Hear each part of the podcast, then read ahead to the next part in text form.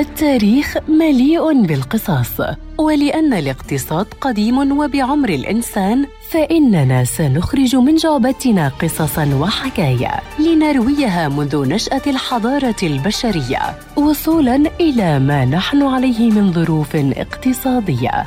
في بودكاست تاريخ الاقتصاد مع المدون الاقتصادي مجد النوري عبر إذاعة أجيال ومنصاتها المختلفة.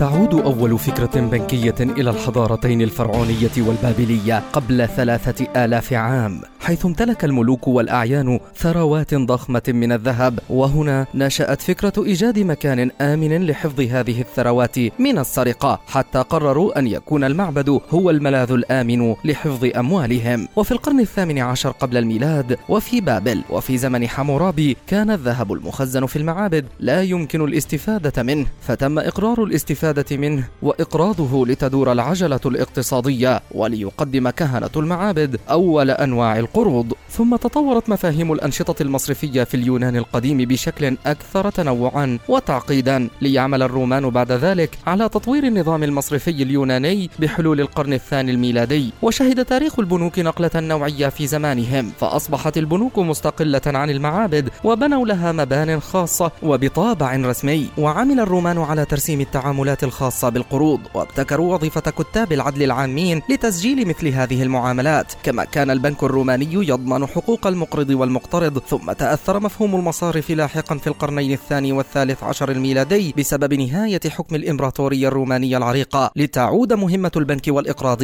للكنيسة. وقد برز في بداية العصور الوسطى اسم فرسان الهيكل أو فرسان المعبد. الذين شكلوا أحد أقوى التنظيمات العسكرية والاقتصادية. وفي عام 1150 ظهر لأول مرة في العالم الصورة الأولية للنظام البنكي الحديث بخطابات الاعتماد والوثائق التي تثبت أحقية الشخص بالذهب ليحصل على ذهبه من أي بنك في أي مكان يتواجد فيه. ثم جاء الإيطاليون الذين طوروا أول بنك على يد ثري يدعى جيوفانجي ميديتشي فأنشئ أول بنك باسمه عام 1397 لتتوالى البنوك الإيطالية بعد ذلك. ذلك ثم لتنتشر البنوك في كل أنحاء العالم بعد ذلك.